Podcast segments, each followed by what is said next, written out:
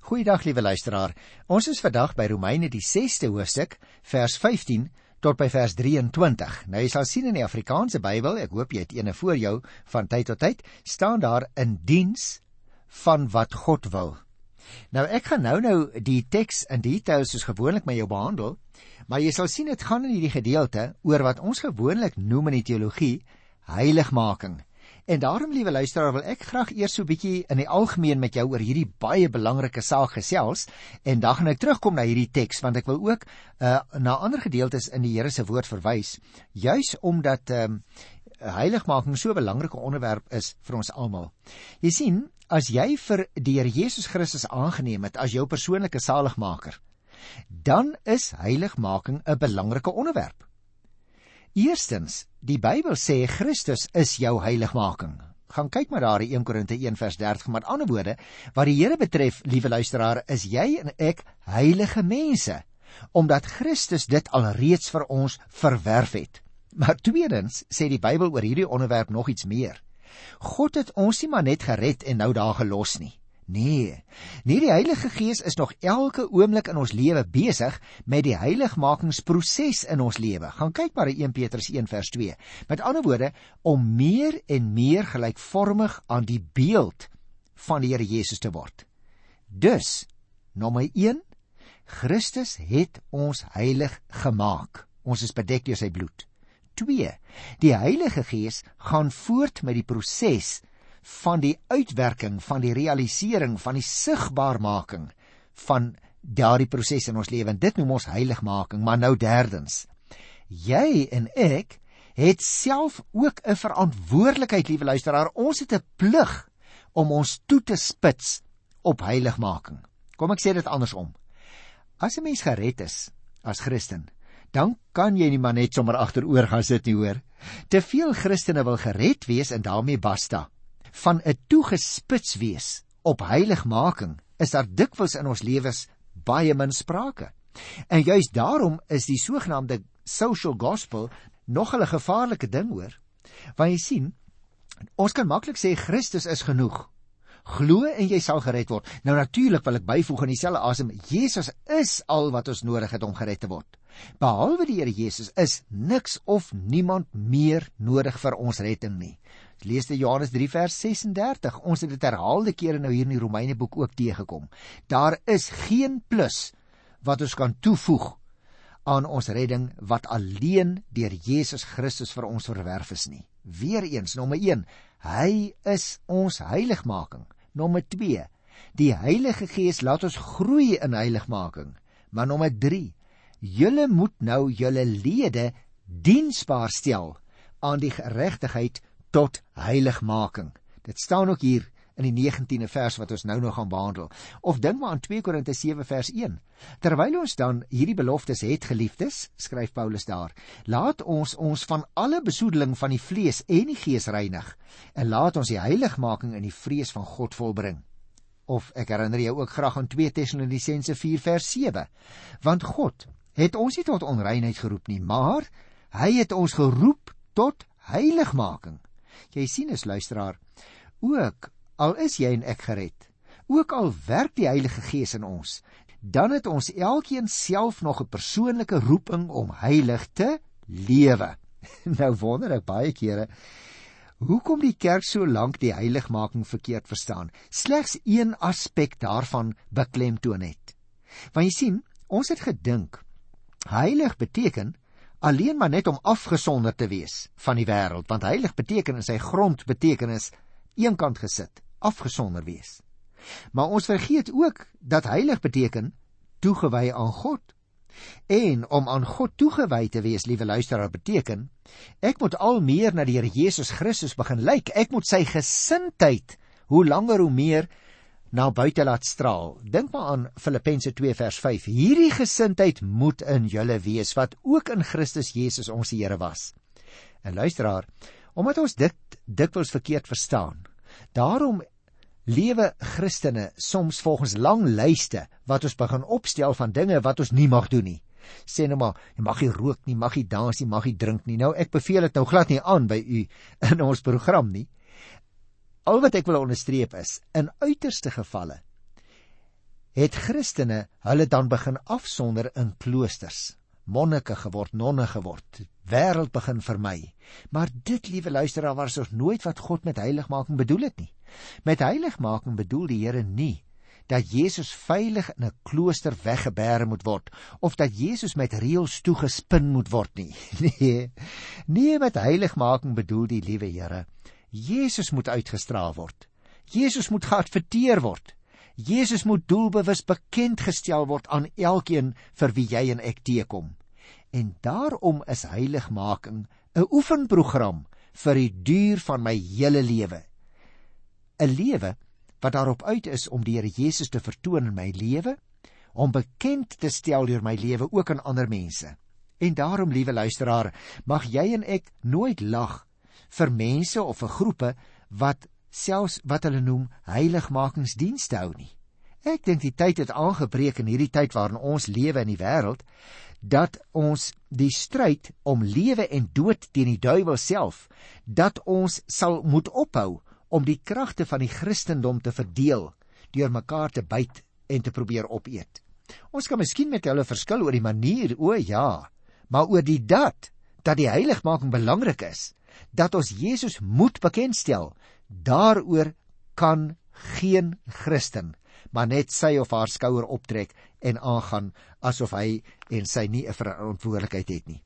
Ons moet oppas, mag ek 'n beeld gebruik dat ons so sponse word weet 'n spons wil mos maar net water insuig, water opneem en elke keer wil ons partykeer tot bekering kom. Ek wil vir jou vra, wat dan van geestelike groei? Jy sien, liewe luisteraar, God het ons geroep tot heiligmaking, daai teks uit 1 Tessalonisense 4 vers 7. Lewe, 'n deurlopende lewe wat op die basis van 'n goddelike roeping. En wanneer die Here mens roep, dan roep hy jou nie uit die wêreld uit nie, hoor. Nee, hy roep jou om jou in die wêreld in te stuur. Hy self gesê so skape onder die wolwe, Matteus 10 vers 16, jy sal dit ken. Of uh, Openbaring 12, daardie beeld wat daar gevind word, nê, oor die woestyn. Ons is in die woestyn. Met ander woorde, die Here wil ons in die wêreld instuur om die Here Jesus te gaan adverteer op so 'n manier te gaan adverteer as dit nodig is sê Paulus dat ons 'n skouspel vir die wêreld sal word vir die engele sowel as vir die mense. Gaan kyk maar daar in 1 Korinte 4 vers 9 dan sal jy dit daar kry. Ja, luisteraar. God het ons geroep tot wat? Tot heiligmaking. En die erns van daardie roeping, die alleroorheersende passie van wie ons liefde vir die Here Jesus Christus, dit moet ons aanvuur vorentoe agter Jesus aan wat ons geroep het. Geliefde, sal jy en ek nie dalk ook weer 'n keer begin doen wat hier in Romeine 6 geskrywe staan nie. Daar in die 19de vers, kyk maar weer. So moet julle nou elke deel van julle liggame in diens van God stel om te wat? Om heilig te lewe. Jy sien wanneer Paulus aan die gemeente daar in Rome skrywe, dan herinner hy hulle aan die beeld van 'n diensknegt teenoor sy heer. Die dienskneg staan aan die kant van sy heer. Hy doen hom met alles wat hy het en is. So is dit met heiligmaking. Jy staan aan God se kant van die streep. Jy dien hom met alles wat jy het en is. En tog, tog is daar ook 'n verskil luisteraar. Jy dien God nie in gehoorsaamheid en stryd soos 'n dienskneg nie. Nee. Nie in heiligmaking dien jy die Here mos in vryheid en in blydskap omdat jy hom liefhet, omdat jy hom wil dien soos 'n kind sy hemelse Vader. Jy stel jou lede nie langer diensbaar aan die sonde en die ongeregtigheid soos vroeër nie. Nee, Paulus sê vir die Romeine, so moet julle nou julle lede diensbaar stel aan die geregtigheid tot heiligmaking. Heiligmaking beteken dus om in gehoorsaamheid aan God te lewe. Daarom het ek ook vir vandag se program so getitel. Daar moet 'n duidelike onderskeid wees tussen toe en nou tussen die ou lewe en die nuwe lewe, tussen dit wat ek was en die uitstralingsproses waaraan ek nou elke dag deel het. Jy sien die uitsteek van die hand na die sonde word nou die uitsteek van die hand na God toe. Dit is wat Paulus lyk dit vir my bedoel met heiligmaking hier in die 19de vers van Romeine 6. Soos 'n portret van 'n dierbare. Jy verlang na daardie persoon as jy die portret sien. Jy verlang na Christus. Jy straal hom as dit ware uit in jou verlange teenoor ander mense. Wanneer hy aan die gemeente in Korinthe skrywe, sê die apostel duidelik: Terwyl ons dan hierdie beloftes het, geliefdes, laat ons ons van alle besoedeling van die vlees en gees reinig, laat ons die heiligmaking volbring. 2 Korinte 7 vers 1. Jy sien dus, luisteraar, dis gevaarlik om net maar te wil sê ek glo in Jesus Christus. Luister. My lewe sal getuig of my belydenis eg is of nie. Of ons bome is en of ons vrugte dra. Daai beeld van Matteus 7 vers 16. Ag natuurlik. Natuurlik is ek in beginsel reeds heilig in Christus. Maar deur my af te sonder van die besoedeling, alleen deur my daagliks toe te wy aan die Here, sal ek toeneem in heiligmaking. Om Christus aan te neem, liewe luisteraar, om geheilig te wees, vra dus 'n bepaalde lewenstyl van die Christusgelowiges, 'n Christuslewe. Laat ons die heiligmaking volbring beteken dus laat ons daadwerklik toon dat dit waar is. Ons behoort aan Christus en nie aan die duiwel nie. Laat ons by die daad die tempel van die lewende God wees. Maar nou moet jy oplet. Heiligmaking en ek wil dit onderstreep in dik letters, liewe luisteraar, heiligmaking beteken nie dat ek heiliger en heiliger word nie. Ek is mos alreeds heilig omdat Christus my alreeds heilig verklaar het. Maar heiligmaking beteken dat ek daardie heiligheid sal uitlewe, sal volmaak, tot sy einddoel sal bring. Watter einddoel? Die verheerliking van die Here Jesus as my koning.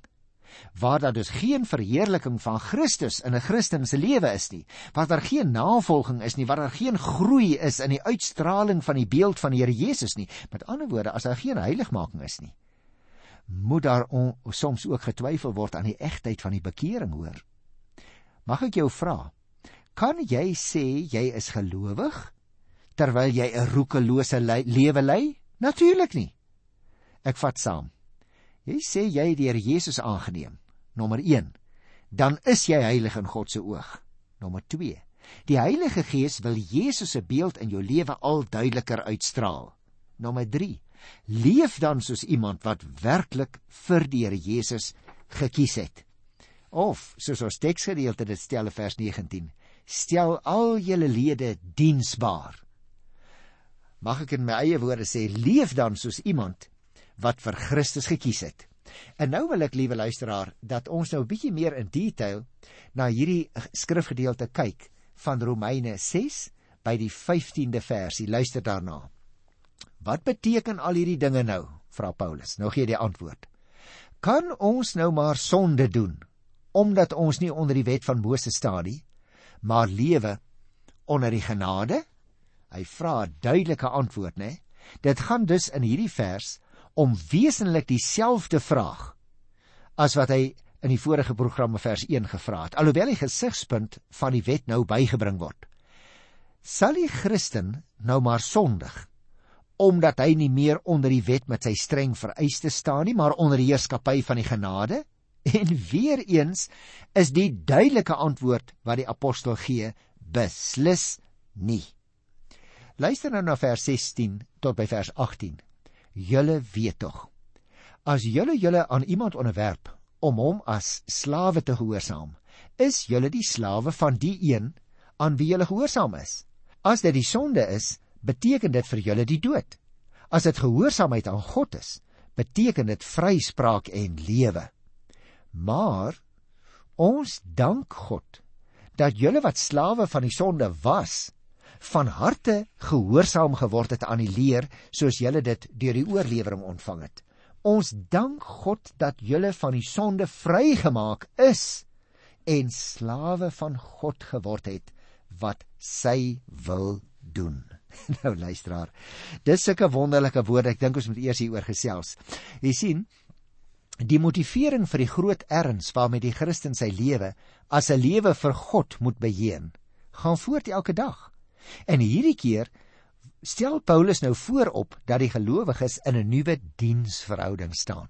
Hy sê: "Ons is of slawe van die sonde en gehoorsaam dit, of hier van vers 16 af, ons is slawe van die gehoorsaamheid. Vers 17, slawe van God, wat sy wil doen. Is dit met jou so? Jy sien, liewe luisteraar, die gelowiges was destyds slawe van die sonde, sê vers 17 en 18, maar hulle is nou bevry en het van harte gehoorsaam geword, skryf hy. En is nou slawe van God wat sy wil doen. Dit is my baie opvallend dat net soos Paulus die sonde heel plasties as 'n magtige vors beskrywe, so maak hy ook met die gehoorsaamheid aan God. Hy personifieer as dit ware die gehoorsaamheid as 'n magtige vors aan wie die gelowiges diensbaar moet wees. Hulle lewe moet volkome onder die wil van God staan, soos 'n slaaf sy eienaar volkome moet gehoorsaam. Let op vers 17. Die leer wat deur oorlewering ontvang is. Wat is dit? Dit dui op die suiwer Christelike gehoorsaamheid, soos dit oorspronklik deur die apostels verkondig is en in die kerklike onderrig voortgedra is deur die eeue. En nou kom hy by vers 19 en 20. Dis net sulke wonderlike verse. Hy sê: "Weens julle beperkte begrip, gebruik ek 'n beeld uit die alledaagse lewe." Soos julle elke deel van julle liggame in diens van sedelike onreinheid en wetteloosheid gestel het, soos julle losbandige lewe het, so moet julle nou elke deel van julle liggaam in diens van God stel om heilig te lewe. Toe julle slawe van die sonde was, was julle nie in diens van God nie. En hieruit, liewe luisteraar, blyk dit duidelik die besondere noue verband tussen die doen van God se wil en die heiligmaking van ons lewe. Wie al hulle vermoëns, dit wil sê elke deel van julle liggame, so noem die apostel dit, gebruik om God se wil te doen.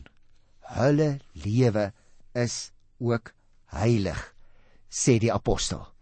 En daarom maak Paulus geen verskoning daarvoor dat hy menslikerwys, soos in die ou vertaling gestaan het, praat nie. Dit is in terme wat aan die menslike lewe ontleen is, maar net 'n gebrekkige uitdrukking aan die geestelike waarheid kan gee. Nee. Liewe luisteraar, ons lewe anders ter wille van die swakheid van julle vlees. Dit wil sê ter wille van die menslike onvermoë om die geestelike waarhede reg te begryp. Jy moet oplet. Paulus dink hier aan die feit dat hy in hierdie vers die geestelike diensbaarheid van die mens aan die sonde wil vergelyk met slawe diens teenoor 'n harde heer. En dit is eintlik maar ook 'n gebrekkige beeld, né? Veral as dit gaan om die diensbaarheid aan die geregtigheid, met ander woorde, heiligmaking. Heiligmaking wat tog geen slawe diens is nie, soos ek net nou probeer verduidelik het. Maar heiligmaking is juis 'n lewe met die hoogste vryheid, want ek lewe onder die leiding van die Heilige Gees in gehoorsaamheid aan God se wil. Met heiligmaking lyk dit vir my as ek dit dus andersom mag sê, bedoel Paulus die afsondering van die gelowiges uit die wêreld om die eiendom van God te wees, maar terselfdertyd dit in die wêreld deur te kaats. Jy sien in hierdie sin, luisteraar, kan die apostel heiligmaking stel teenoor onreinheid en wetteloosheid. Die gelowiges leef wel nie meer onder die wet nie, dit is waar, maar tog ook nie in stryd met die wet nie.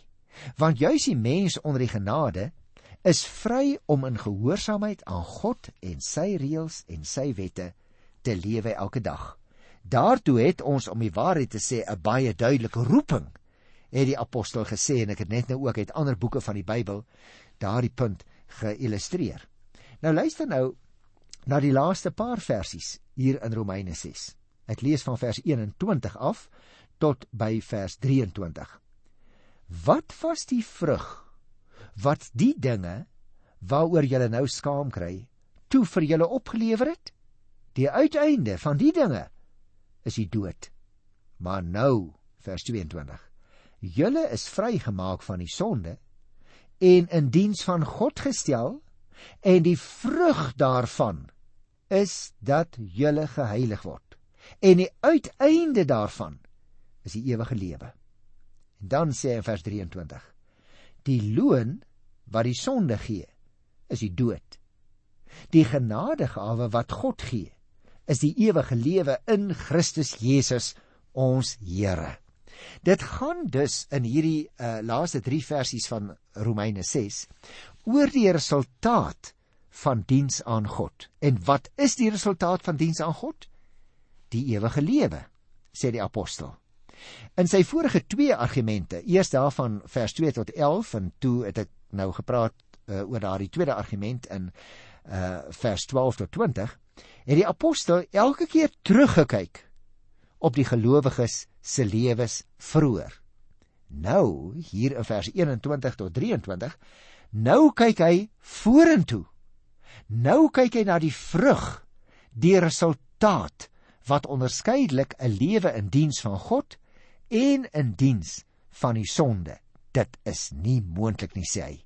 Die salaris, mag ek dit so uitdruk, die salaris wat die sonde vir die mense diens gee, is die dood. Nou daarteenoor vers 23.